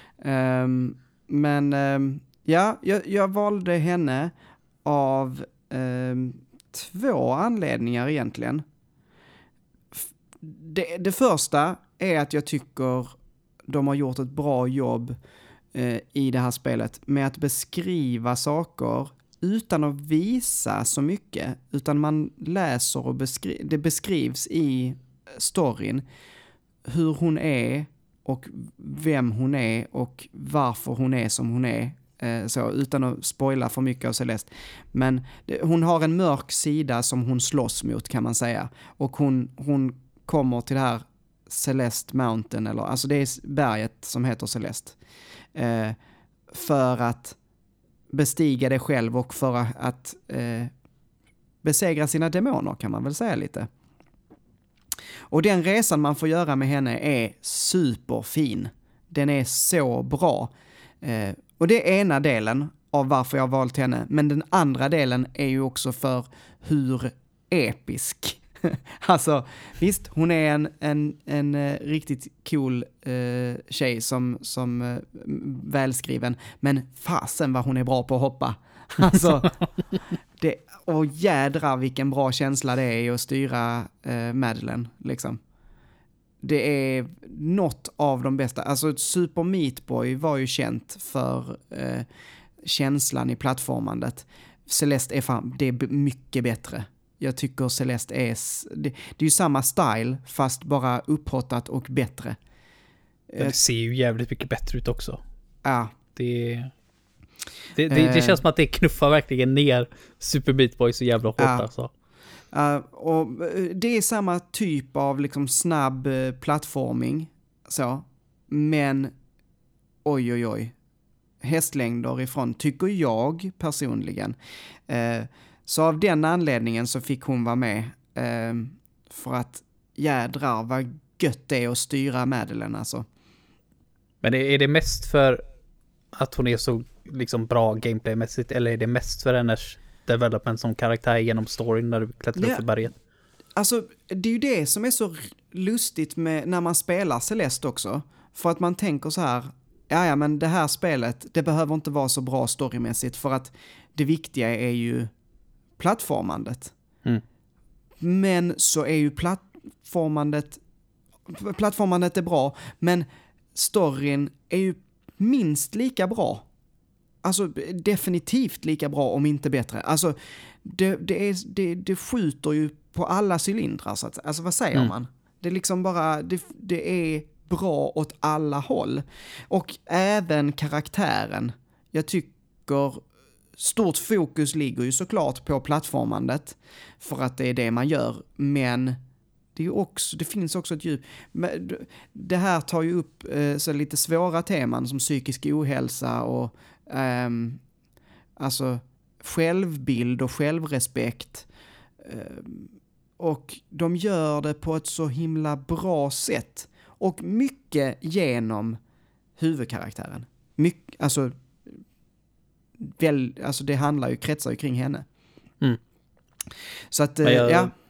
Det behövdes nog i den genren tror jag. Alltså där har vi ju de här stora. Alltså Nintendo själva är ju största boven här. Det är ja. liksom uh, Bowser kommer in och han, han tog prinsessan och, och eh, springer och räddar henne. Bara, Precis. Alltså, för helvete, är ni så... Är ni så jäkla... Alltså den dagen när Miyamoto slutar så vill jag se att de går en annan väg med sina jävla spel. Nu, vill, nu ska vi inte gå in på det sidospåret. Men, Nej, men- Celeste, Celeste gör verkligen liksom, det behövs. Och Mm. när de gör Och det du, så Du bra, har helt rätt i det. ja det anser jag Du, också. du, har, du har helt rätt i det. Alltså, det, plattformande tror jag eh, ibland ha, har liksom tittat för mycket på Nintendo och trott att ja, ja, vi behöver inte ha så mycket story. Det är inte så viktigt. Men titta på det här, titta på Celeste, titta på Psychonauts. Eh, och mång, det, det finns inte jättemånga andra, men Braid var ju också ett eh, sånt spel som eh, där handlingen har, spelar roll. Mm. Så. Jag avskydde det jävla spelet också. Men jag fattar vad du Ja, menar. det, det, är inte, det, är inte min, det är inte min kopp te heller direkt. Jag, är- jag är inte någon braid, eh, så, hyllar inte det. Men, eh, men jag förstår vad det ville göra liksom. Mm. Men ja, blir- vad är din nästa? Eh, Ja, yes. förlåt, skulle du säga något mer? nej, det, det blir jättebra där. Ehm, Ja. du, jag ska faktiskt ta och eh, prata lite grann om, för härom, härom avsnittet, säger man så, härom avsnittet, nu sa jag så. Ja, så, pr- det- så pratade vi, ehm, du gav mig en lista att göra topp 5 vision novels. Mm. Mm. Och då var många utav dem eh, jury vision novels. Och då sa jag det att eh, det vet folk vad det är vid det här laget. Kolla upp det själva. Men det fick jag ju eh, backlash på direkt. Eh, med rätta ska ju sägas då. Jag har nog insett att jag kanske aldrig riktigt har nämnt jury i den här podden. Men Niklas och Söder har ju fått sina öron avsnackade eh, när det kommer till jury. Eh, och förmodligen lyssnarna i gaming-soffan. Men för de som är nya här Ja. så är ju jurys, det är ju helt enkelt spel, manga, anime, serier, whatever, med fokus på eh, lesbiska relationer, helt enkelt. Mm. Och då, då är det liksom ett samlingsord för den genren eller subgenren. Ehm, så det är egentligen, alltså då, när jag säger nu liksom, eh, för på tredje plats har jag eh, Yaigaki Erika från eh, Flower, The Volumes är ette. Vilket jag också Ah. pratade om i det spelet, det var på min andra plats, topp 5 VN. Och det är ju en Eurovision novel, alltså det har en fokus på eh, Erika och hennes relation med hennes roommate som hon flyttade ihop med. Var eh, det hon Shidori? som, som satt i rullstol? Precis. Mm. Och Erika är ju en eh, väldigt intressant karaktär. Alltså bara det att hon sitter i rullstol. Det är ju väldigt svårt att göra i någon annan genre än vision novels. Så redan där var jag ju såld. Bara okej, okay, en rullstolsbunden huvudkaraktär. Som är förlamad liksom från höften och neråt. Mm. Som blir superovän med hennes, med hennes eh, kommande eh, roommate, eh, Shidori. Och Shidori har även eh, tagit på sig då att ta hand om Erika. Eh, hjälpa henne liksom med allting som krävs. Eh, helt enkelt. Vi behöver inte gå in på allt, alla detaljer. Spelet går inte in på alla detaljer heller. Tack och lov. Men eh, du fattar att det, det, blir väldigt intressant den storyn alltså. När, när de inte kommer överens. Mm. Men hon är ändå så stor, i så stort behov av att ha Shidori till hjälp. För att leva hennes liv. Men hon är ändå så sarkastisk och hon driver ju verkligen med sig själv hela tiden och försöker verkligen så gott det kan och, leva sitt liv liksom. Och de blir ju väldigt, de blir ju liksom, ja, spoiler ursäkta mig. Eh, de blir ju tillsammans i slutet och den, den 20 timmars storyn, där man får se dem liksom växa närmare varandra, var så sjukt jäkla bra alltså. Det är så sjukt jäkla bra. Mm. Det, det, det, blir inte bättre, tror jag, så här än, än eh, när det kommer till Eurovision av Och jag såg nu faktiskt när jag var tvungen att kolla upp eh, vad hon hette i efternamn. Så gick jag in på Steam då och kollade storepagen. Eh, där står det liksom synopsisen står. Mm. Och det har ju liksom 99% overwhelmingly positive. Så det, det är ju ett gillat spel. Vilket jag blir jätteglad över att se. Att det liksom inte bara är jag som är superkär mm. i den storyn. Och Erika gör ju den och inget annat spel i den serien, Flower-serien, kommer då nå upp till de här, till de höjderna som Ette eh, gör. Och det mm. är för Erikas skull. Erika Va, är fantastisk. Vad va var det nu den hette hela... Du, du, vill bara att jag ska säga det jävla namnet. Glöm det, jag säger det inte en gång till. Det, du, du, du vill inte ha något backlash för det eller? Alltså, jag, jag har länkat det i Discord. Uh, vill ni verkligen veta vad det heter så får ni gå in dit. Det är ett franskt namn för de som inte fattar varför jag är så jäkla emot det här och säger jag avskyr alla franska uttal. Alltså det, det är just det här med flowers det här och sen atelier och bara varför måste, måste ni köra på franska ord? Franskan makes ingen sense. Jag är som Joey där i den vänner-scenen där när han försöker ut. Ja, precis det är jag. Det är den bästa. Alltså jag tycker inte att vänner var så här. Det, det, det är småkul, jag kan kolla på något avsnitt och skratta åt det. Men just den scenen är klockren, klassisk, fantastisk. Kötteflö, fly. ja, precis. Ja, nej men... Det, ja. Jag vill inte spoila för mycket i det spelet heller, men Erika är precis så cool och så grym, liksom en sån stark karaktär. Fastän hon är halvt förlamad. Så det är, det är lätt värt en topp 5 för min del. Nice. Yes. Topp 2 nu då. Ja, min första. Mm. Min, min första topp 2. jag vet inte vad jag säger. Eh, jag vill eh, lägga till GLaDOS i listan. Eh, och GLaDOS eller GLaDOS, eh, för den som inte vet, är eh, ja, vad säger man, antagonisten eller sista bossen eller ja, i Portal. Hon är också en eh, robot som jag fattar det som. Japp, det är en, eh, en stor jätterobot som hänger från ett tak. Och hon, eh, hennes uppgift är att utföra tester. Eh, och det är ju det man gör i Portal. Man eh, går från rum till rum och utför olika tester med sin Portal Gun för att ta sig vidare för att sen få tårta. när man är färdig. you get, you get cake. förklaringen. ja. Eh, och sen så händer det ju saker på vägen så att säga. Men, men det, är, det är premissen i början. Eh, du sitter fast i vad som ser ut som en väldigt klinisk fängelsecell. Du hör Glados röst som säger liksom Welcome, follow me. Och så eh, Let's go testing, typ. Och så um, blir du igångsatt då i spelet. Och hennes röst följer ju dig igenom Portal 1 hela tiden. Och den, det är så välskrivet. Du, du träffar ju inte GLaDOS förrän i slutet, slutet. Det är det sista du gör. Du bara hör henne prata till dig. Um, och det är så roliga, eh, smarta uh, lines som den uh, roboten har fått. Um, och hon är mäktig, får man säga. Alltså sista bossen där när man ska eh, slåss mot GLaDOS är awesome.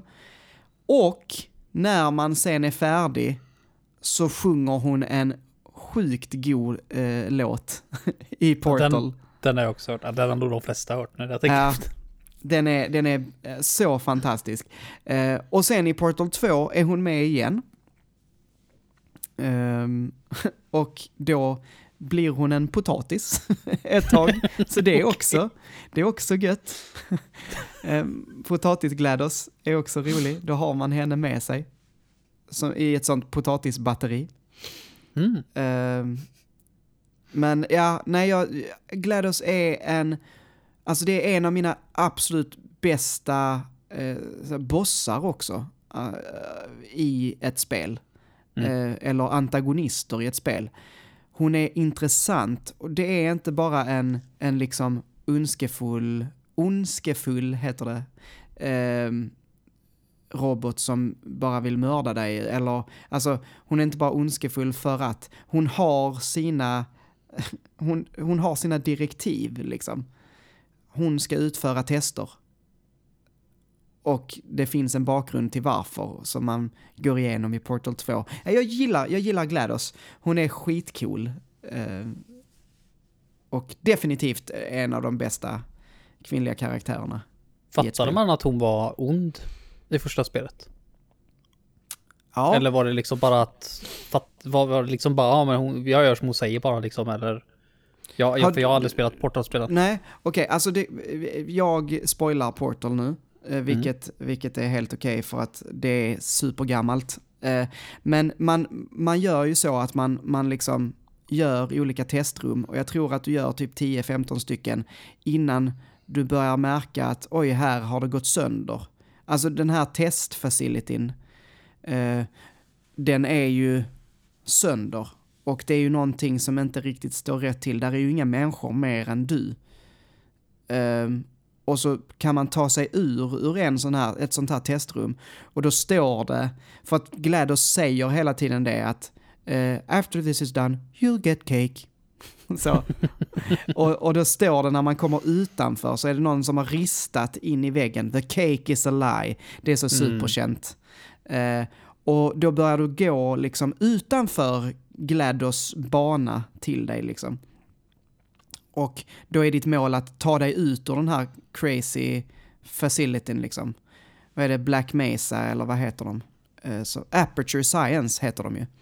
Ehm, och du ska ta dig ut ur. Och det sista du gör, det är ju att du nitar GLaDOS.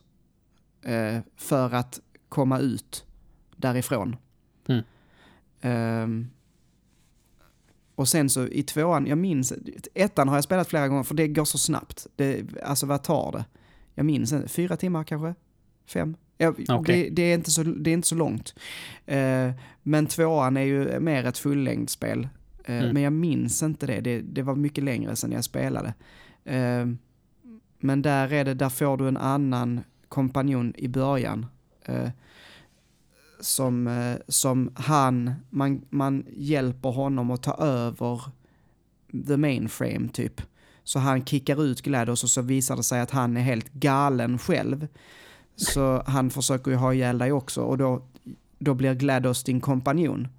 Du tar hennes eh, typ, alltså själ och stoppar dig i en potatis. Mm. Eh, och då, och då, då följer hon med dig så kan hon guida dig typ. Jag minns inte riktigt vad, jag, jag, som sagt. Men väldigt bra i alla fall. Mm. Vad är din tvåa? Yes. Här är nog verkligen någonting som jag, ja, det, det, det här kommer nog vara svårast att förklara tror jag. Men på andra plats har jag eh, Aska ifrån Nurse Love Addiction. Och det här, kommer, det här kommer låta super weird. Men jag Vi tror känner att ju det också igen Nurse Love Addiction, kan yes, vi säga. det är liksom, om, jag, jag vill ha det liksom, alla har ett spel liksom, när folk sä- tänker på Final Fantasy 8, så bara, ah okej, det, är, det är manuell, eller när folk tänker manuell, ah, Final Fantasy 8.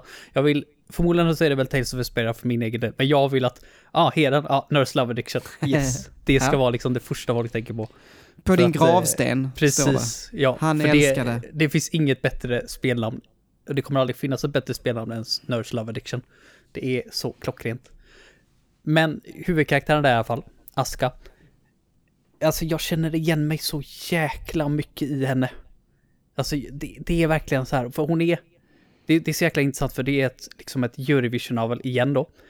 Men där du faktiskt kan liksom välja mellan olika, för de flesta vision novelsen eh, med jurytema har att det är liksom en set path, typ som i Flowers. Där finns det bara en liksom eh, true route. Och det är liksom att Erika ska bli ihop med Shidori. That's it liksom. Det finns massa val att göra på vägen. Men du ska bli tillsammans med Shidori. Men i Nurse Love Addiction så kan du välja mellan fyra olika routes och de är ju alla olika. Det är väldigt, väldigt vanligt i Vision Novels. Alltså de flesta har nog hört talas om det. Att du spelar som en manlig huvudkaraktär, har x antal eh, female karaktärer som du kan välja mellan.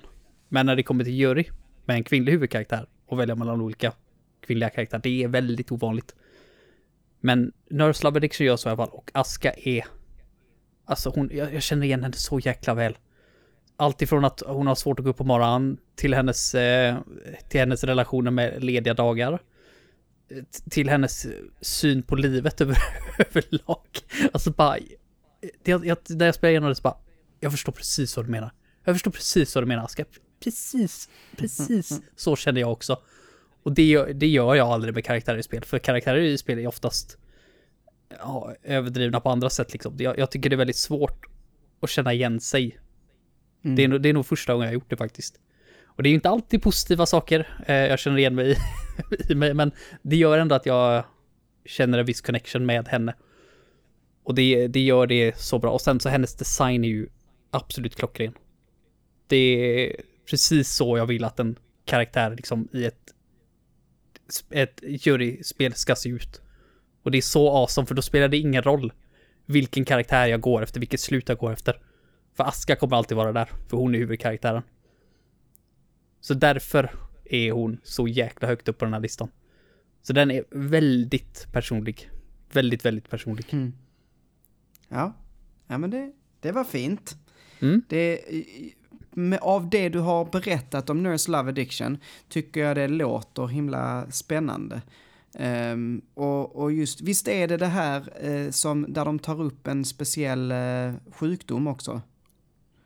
Som, som, ni pratade om det på gamingsoffan, kommer du ihåg? Ja, har det är, det är Nurse Love, um, Nurse Love Syndrome. Det är Ah. pre prequelen till det där. Där Mm, en eh, karaktär har leukemi tror jag. Om jag inte minns det fel. Jag kommer ihåg att jag signade upp då för, ehm, för, för, för den... eh, Benmärgstransplantation, ja. Ja, precis. Ehm, för att jag hade spelat i spelet och jag bara var tvungen att kolla upp, bara, är det här en riktig sak? Man faktiskt kan göra. Så då signade Mm. jag upp det och fick hem en sån där kit som jag skulle typ slicka på och skicka tillbaka. Så det, det, det var coolt faktiskt. Det var ett riktigt, riktigt häftigt spel, men jag, jag tycker jättemycket om Syndrom, eh, men Addiction är bättre. Men det bästa är ju att skaffa det till Switch, för då får man Nurse Love Obsession. Vilket är båda, båda de två spelen i en. Vilket är så awesome. Det är namnet alltså. Fan klockrent. Alltså, gör vi någon sån här challenge eh, någon Manuel, där du säger åt mig att spela ett spel och jag säger åt dig att spela ett spel så nästa jag är sugen på att ge dig Nurse Love Addiction alltså. Ja, ja, men det är bra. Vi, vad var det? Jo, vi har ju gjort en sån. Det Ja. får vi komma tillbaks till efter listan. Det var ju För det vi gjorde med... Vadå vann? Ja, du Ja. menar det ja. Just det. Det vet inte folk, Ja, vi- det vet folk inte om Vi kommer för, tillbaks till det. Nej, Ja, det vi. vi kommer tillbaks till det. Ja. Eh, men min eh, sista jag vill Mm. ta upp är Ellie från The Last of Us. ja, jag misstänkte det. Eh, ja, och alltså den här, har man inte spelat The Last of Us, så Ellie är en, vad är hon, 14? När det sätts igång. Och i The Last of Us 2 är hon då lite äldre, hon är väl då, jag, jag vet inte, Tj- 20 någonting. Alltså jag, vet, jag minns inte hur, hur gammal hon är, men då är hon mer vuxen. Eh, men när, eh, framförallt i The Last of Us 1 tycker jag hon är eh, grym. För i tvåan eh, så är hon grym på det där dåliga sättet. alltså hon är, hon, hon blir ju en bad guy i, i tvåan, tycker Mhm. jag. Alltså hon, hon, så här, nu, om ni inte vill eh, att jag ska spoila vissa små grejer i The Last of Us 1 och 2, så stäng av. Eh, men nu kommer jag göra det. Um, visst har du inte spelat The Last of Us 2? Enda anledningen till att jag har ens funderat på att spela det, det var för att det var lite juryscener med där. Så det, Ja, det är bara ja. det jag var intresserad av, annars är jag inte ett dugg sugen på att spela det. Men ja, har du koll på att, f- får jag lov att spoila det för dig? För, Du för får, det gärna, du, du får gärna Ja. spoila det för min del. Joel, som är huvudkaraktär i ettan, han Mm. dör rätt så snabbt. Har du koll på det? Ja, för att det var en... Ja. Så, här- så här fick jag reda på det förut. Det var en koreansk streamer som älskade Last of Us. Var hans favoritspel. Mm. Så satt han och spelade Last of Us 2. Och så dog Joel. Då tog han ut skivan, knäckte den i mitten och så resten av streamen spelade han Mario Kart 8. så det var så jag fick reda på att han, Åh, att han dog. ja, det var ju, det var ju jättekontroversiellt. Det här är det mest kontroversiella avsnitt vi någonsin haft. Vi pratar massa kontroverser. Men Mm. det, det blev ju jättekontroversiellt att de mördade Joel. Och till och med så pass att hon som, eh, Laura Bailey, som eh, spelar karaktären som mördar Joel, eh, hon fick hot och Mm. liksom, det är så jävla dumt bara. Är Men, men ja, oavsett vad man tycker om det, jag tyckte att det gjorde någonting för eh, storyn. Storyn blev ändå hyfsat spännande, så. Men eh, Ellie, hon är ju bara ute efter att hämnas. Alltså hämnas Joels död. Eh, och det hon gör då, det är ju typ åker till en annan stad och mördar en massa oskyldiga människor. Eller hon bara mördar en massa människor. Hon, hon, och då blir det så, ja men då har man inte lika mycket sympati för henne längre. Eh, för jag förstår att man kan bli ledsen och arg, så, det blir jag också. Men om någon har gjort någonting mot mig så är inte min första tanke, jag ska gå och mörda alla jag känner. Eller alla, alla, Alla som känner känner. den här personen. Alltså, det är ju lite så. Alltså, eh, en, en tjej mördar Joel, Ellie mördar alla den tjejens kompisar. Det är hennes respons. Mm. Eh, och så, så här, det är ju en konstig värld, den här The Last of Us-världen. Och man kan tycka att, ja, ja, men det, det är så de lever och det är fine. Alltså, det, det pratar jag inte om. Jag tycker inte, jag tycker inte det är rättfärdigare att mörda en massa människor. Eh, men det är, ju, det är ju bara, det är ju det som gör att det blir ett spel nummer två. Så kan man säga också. Eh, men jag, jag tycker inte om Ellie som karaktär på grund av det. Jag tycker om The Last of Us 2, jag tyckte det var ett fenomenalt spel, men jag tycker inte om Ellie lika mycket. Eh, men i ettan så är hon fantastisk. Eh, det är så härligt. Joel är en medelålders man som har levt igenom en då, pandemi som gör att världen går under. Eh, och lever nu liksom i en värld som inte är lik det han eh, minns. Liksom. Han minns något annat. Ellie, hon är född in i det här. Hon, hon, hon vet inget annat.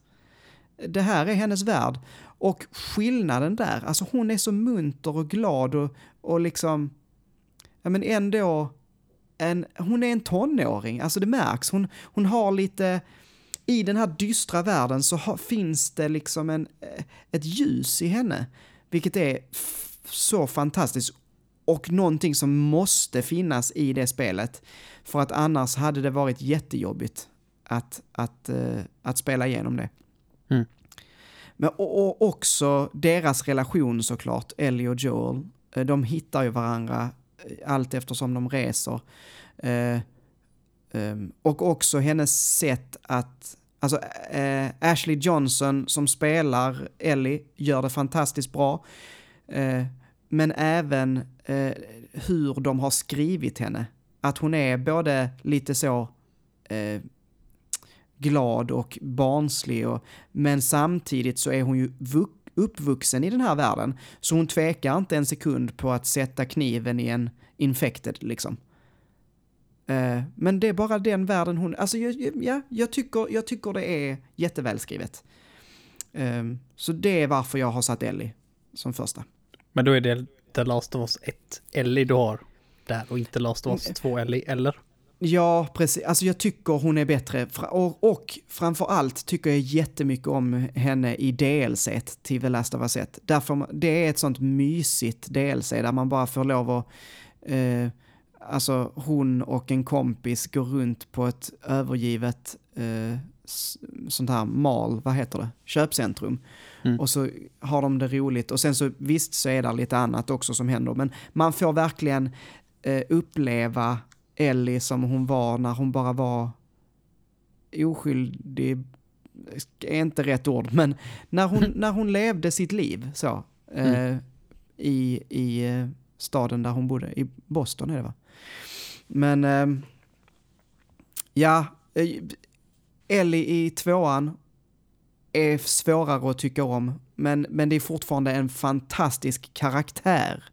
Mm. Alltså det är välskriven karaktär som också porträtteras superbra igen av Ashley Johnson. Uh, jag tycker inte om henne lika mycket personligen, men hon skapar ju väldigt mycket uh, emotion. Så. Uh. Det kändes som att de gjorde en del hårda sacrifices när det kommer till de här karaktärerna. För att mm. skriva den story de ville skriva. I Last of Us 2. Jag har hört så jäkla ja. mixade reaktioner på det spelet alltså. Ja, och, och, det tror jag är för att man har gjort en story som många kanske inte förväntade sig. Alltså, eh, man har gjort någonting som inte, som inte riktigt följer mallen. Eh, sen, så, sen så tycker jag att det, man följer inte mallen för att man, man spelar som Ellie ena halvan av spelet och sen spelar man samma tid fast som den, den andra, som antagonisten, som jag inte minns vad hon heter. Eh, men hon som mördar Joel, liksom. Man spelar som henne sen. Andra mm. halvan av spelet. Eh, och det tyckte folk var jättejobbigt, att vi hatar ju henne, varför ska vi nu spela som henne? Eh, men det var ju för att visa att, ja men, det finns hela tiden två sidor av samma story. Mm. Det här är inte, det är inte en ond allting är inte gott och ont. Det är inte så svart och vitt. Det finns nyanser. Jag tyckte det var smart och jag tyckte det fanns, det fanns saker som jag inte tyckte var bra med det spelet, definitivt. Uh, men, men det är ju otroligt välgjort. Och så får man tycka vad man vill, absolut. Men jag tyckte det var okej. Okay. Du har inte knäckt din skiva i alla fall? Nej, nej. Nej, det, det, det, förstår jag inte riktigt faktiskt. Men, men, inte jag heller. men, eh, men man får tycka vad man vill. Ja. Eh, varsågod, din nummer ett. Yes, den enda kvinnliga karaktären jag har med på den här listan som inte är en huvudkaraktär by the way. Eh, på första plats har jag Rita Mordio ifrån Tales of Vesperia. Och anledningen till att jag älskar Tales of Vesperia, ja det, det finns hur många anledningar som helst, men en av dem är att det har så fruktansvärt starka karaktärer. Det har ju Jury då, huvudkaraktären. Som eh, spelas av Troy Baker. Vilket han gör amazing, verkligen. Eh, men så har vi även Rita Mordio då, Machen i det här spelet. Som för det första är totalt besatt utav att studera det här Blastia. Vilket är deras typ system. Alltså det sköter allting från elektricitet till vattenförsörjning, allt sånt. Så det är det enda hon bryr sig om. Mm, så hon är typ en researcher i en Aspio, en typ by där det är bara mages som bor, men även där är hon liksom treated like a weirdo. Eh, när alla där är ganska så obsessda med att eh, forska i det här Blastia-systemet då. Men hon blir ju anklagad av jury för att ha stulit deras Blastia. Det är liksom-, liksom så spelet börjar. Så när du hittar, när liksom hon joinar ditt party för första gången så ska hon liksom bevisa då att det är inte hon som har stulit den, hon skulle aldrig göra det. Så att hon joinar partyt och hon tycker inte om någon utav deras party members. Så att det är väldigt intressant dynamik liksom i, i partyt från början.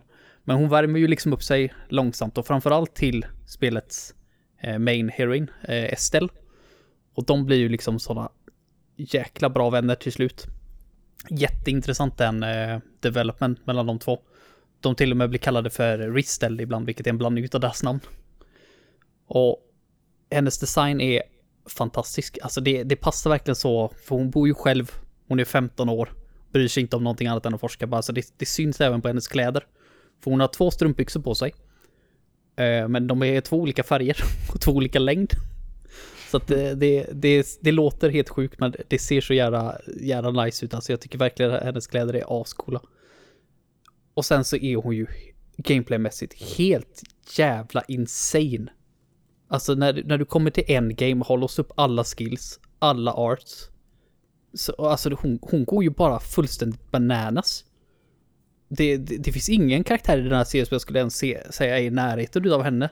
Liksom i, i power level då. Med det här mm. overlimit-systemet. För som mage då så har hon ju cast time på alla sina spells.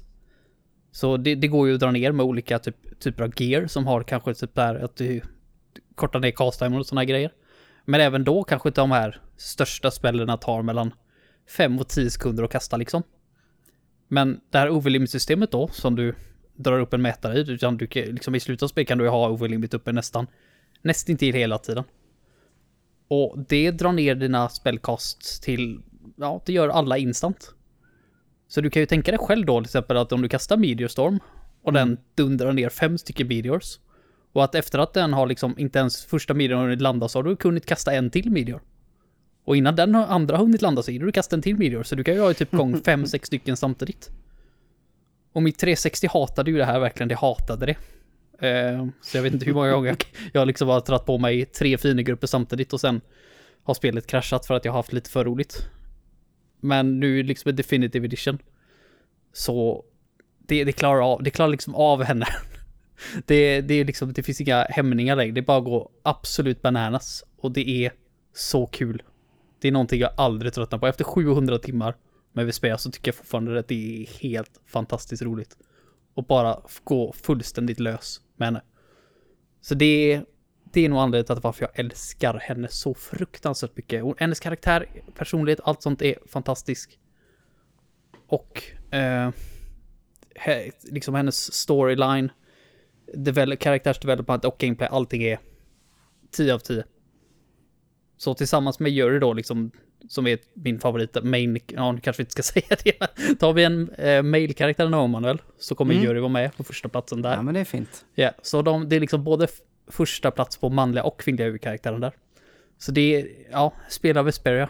Kan ju säga att folk som tycker om RPGs. Mm. Så det är min första plats. Ja, nice. Då tänker jag som följer. Tänk, jag, vet, jag vet inte vad jag pratar om. Jag tänker så här att mm. jag läser upp vilka eh, olika eh, ladies vi har tagit med. Eh, vilka kandidaterna är. Det är så här, det är Aloy, Jade, Samus, Totori, Madeleine, Erika, GLaDOS, Aska, Ellie och Rita Mordio. Mm. Det är de. Det är tio stycken. Vi hade inga gemensamma. Nej. Det är ju också, det är ju lite givet, så att säga. Det, ja, jag tänkte du kanske kunde ha med Jade. Det var liksom där jag kände att det är den enda ja. chansen. Jag tänkte att du kanske skulle haft med Samus, men... men uh... Ja, det hade jag haft om det inte var för just det eh, som vi pratade om då. Ja, precis. Okej, okay, nu ska vi få ner det här på något sätt till en topp 5 gemensam. Mm. Um, så att jag tänker så här. Ska vi börja med att plocka bort en eller två som vi vill ha från vår? Min är ju flytande. Lite. Ja, du har, du har gjort det så att, lurigt. Så att jag kan ju egentligen ha med vilken som av alla fem. Men vill du ta bort dina eh, femte och fjärde platser? Ja, det är ju enklast. Ja. Ja för jag, för, för spontant känner ju jag så att, alltså jag hade ju hellre haft med Jade. jag tycker ju Jade, ja men en, jag vet inte, Erika tycker jag verkar cool. Tottori skulle ju inte vara med ändå. Den vill att jag ska ändra det till Totoro eh, i, i vårt dokument.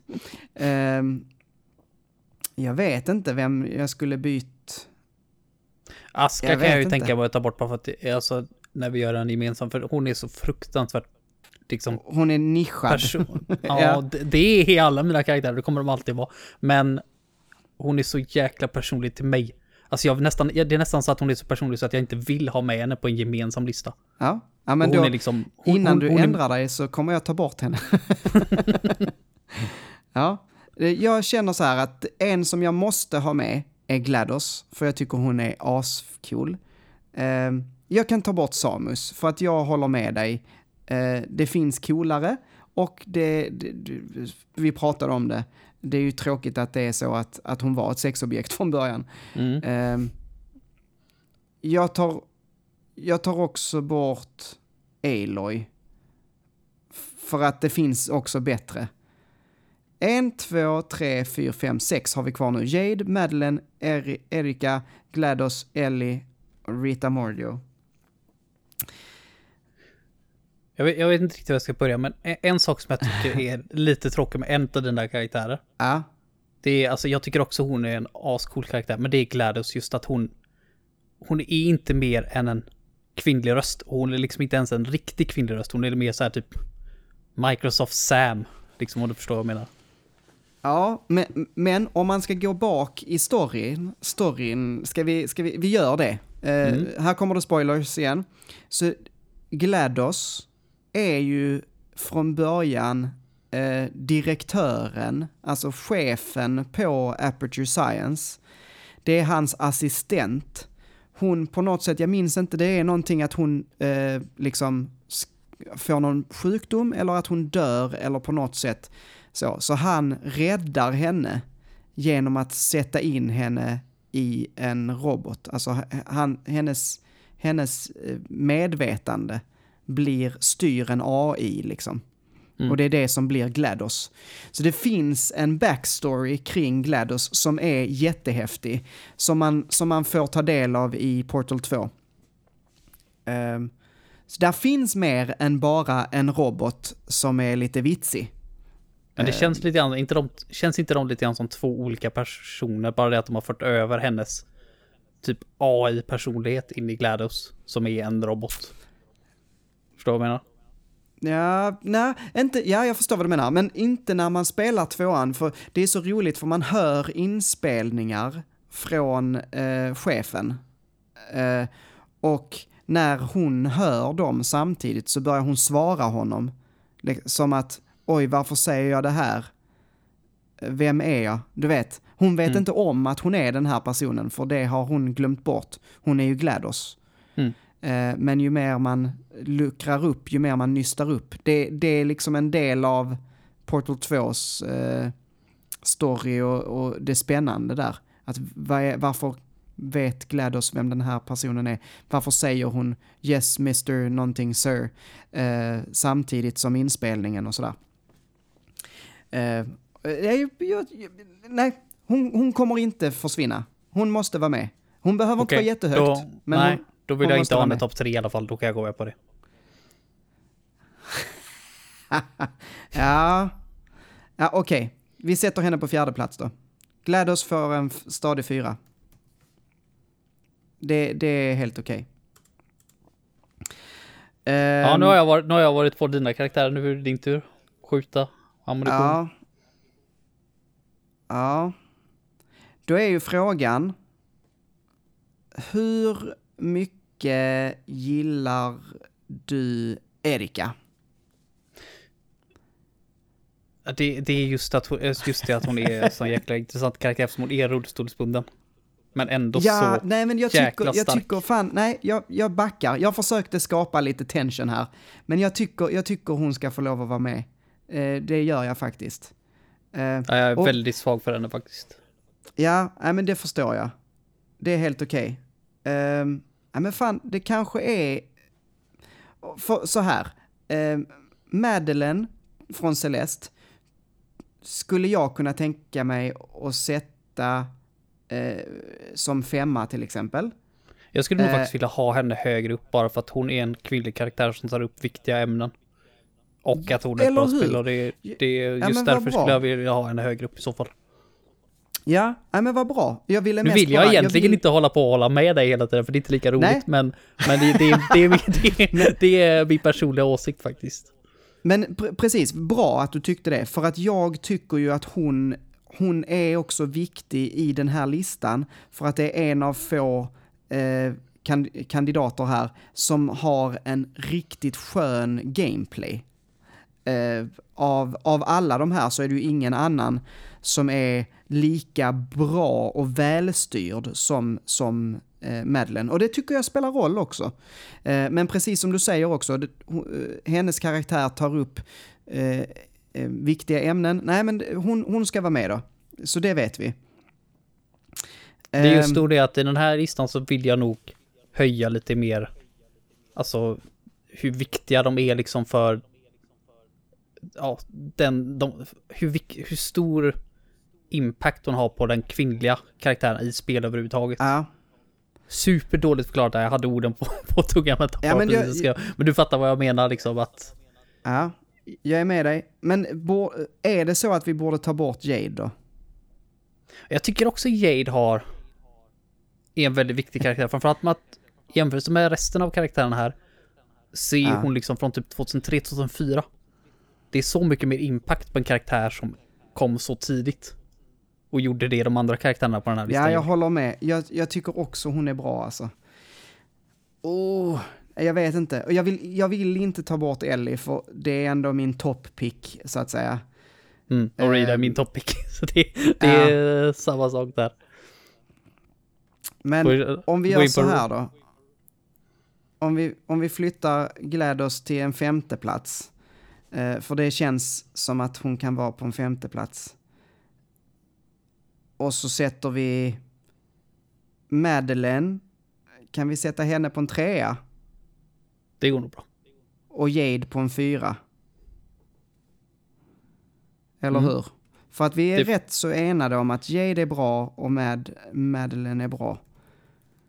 Kunde inte Eh. du bara haft med Jade i en av dina topp fem där så hade du haft en enkel första plats där. Ja, okej, då är det alltså antingen... Vilken utav våra topp... Okej, nu tänker jag vara elak här Manuel. Ja, Eftersom, jag eftersom du själv säger att Ellie inte är lika bra i tvåan. Så därför vill- ja jag att Ellie ska få fast hon är ska fenomenal. Ja, etta ja. Men det är fortfarande samma karaktär. Om du förstår vad jag menar. Det är Ja, liksom okej, så, så här, så här Ellie- fortsatte hennes karaktär. Ellie får vara tvåa då. Fine, Oj, du får. det var- men det då, var enkelt, då får du välja.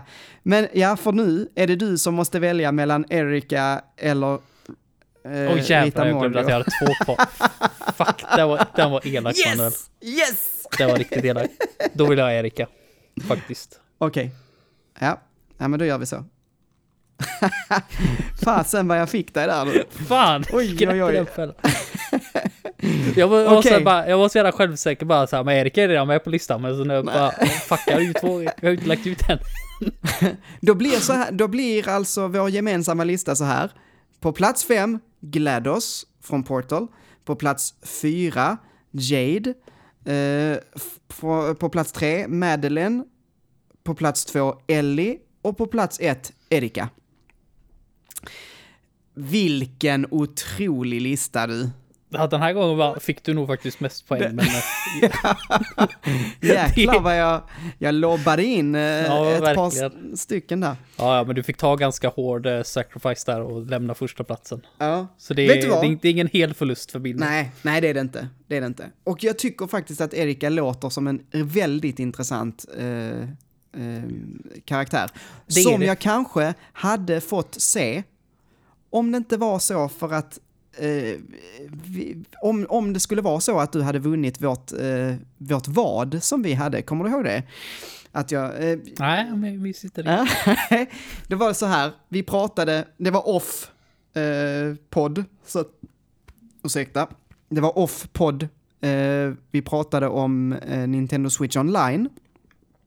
Och jag och Heden sa, ska vi slå vad om vad det kommer kosta? Och jag sa, det kommer vara dubbelt så dyrt. Jag lovar dig, det kommer vara dubbelt så dyrt. Och du sa att, nej men de kommer hö- höja det till, eh, vad var det, 30 dollar? Eller Mm. Ja. Hur blev det nu då? Det här var sista gången någonsin jag tror på Nintendo. Fy fan. Jävlar vad de suger hårt alltså. För att, för att köpa Nintendo Switch online med 64, vad he- kallar de det? Expansion packet. Expansion, ja. Mm. Mm. Väldigt lustigt. Väldigt Då lustigt. måste man betala dubbelt så mycket. 49,99 dollar är det just nu alltså. Istället för då... Vad fan var det inte ännu dyrare? Det var 49,99. Ja, det är Men det, helt löjligt. det är dubbla priset, helt enkelt. Ehm, så att nu är ju frågan, vad ska jag välja till dig?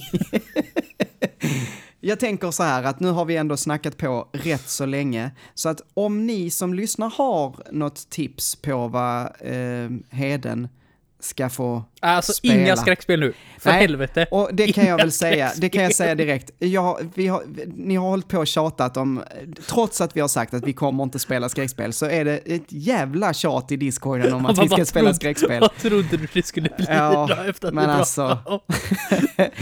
Vi kommer inte spela skräckspel. Något annat. Ge, ge oss eh, några vettiga...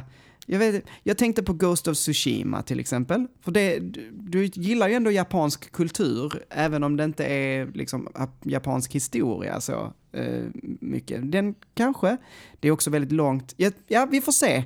Det finns andra spel som jag tycker är väldigt trevliga. Faxarna du kanske du ska få spela? Ja, vad Ja. fan ska jag spela det på då? Ska du skicka Ja, hit till, till då? Men... Jag tror jag har två exemplar faktiskt. Så att det, det är inte helt omöjligt att jag gör det då. Ehm, annars finns det på Wii Virtual Console som är nedstängt. Som är... Ja, precis. Okej. Hörni, tack så mycket för att ni har lyssnat. Har ni några tips på spel som Heden ska få spela? Så det enklaste sättet att ge oss dem, det är att gå in på Discord och eh, skriva till oss där. Jag lägger som vanligt länken till vår Discord i det, denna beskrivningen, avsnittets beskrivning. Där vi vill Ehm. också höra vem ni simpar för. Ja, just, vad var det nu? Vilken fisk var det som var en simpa? Det, jag vet inte. Det är Nej. nog någon... Eh, någon jävligt desperat fisk, tror jag. Det om det. Vi finns på Patreon. Om man vill ge oss så lite som en tia eh, så gör man det och då är vi evigt tacksamma. Och vi ger er också ett litet eftersnack som vi kommer att spela in nu direkt efter här. Ehm, och tack så mycket för att ni lyssnar, det har jag sagt, men jag säger det igen för att det är trevligt. Det är himla trevligt att ni lyssnar och vi vill att ni ska veta det, att vi uppskattar er eh, och det ni gör för oss ehm, tar av er eh, viktiga tid. Eh, nu sitter jag bara och svamlar, så att nu ska jag säga tack och adjö. Tack Heden. Rö- Tack, Manuel. Just det, rösta på oss, nominera oss till Guldpodden. Gör det! Just det, Woo! just det. Ha det gott, Heden! Hej då! Hej då!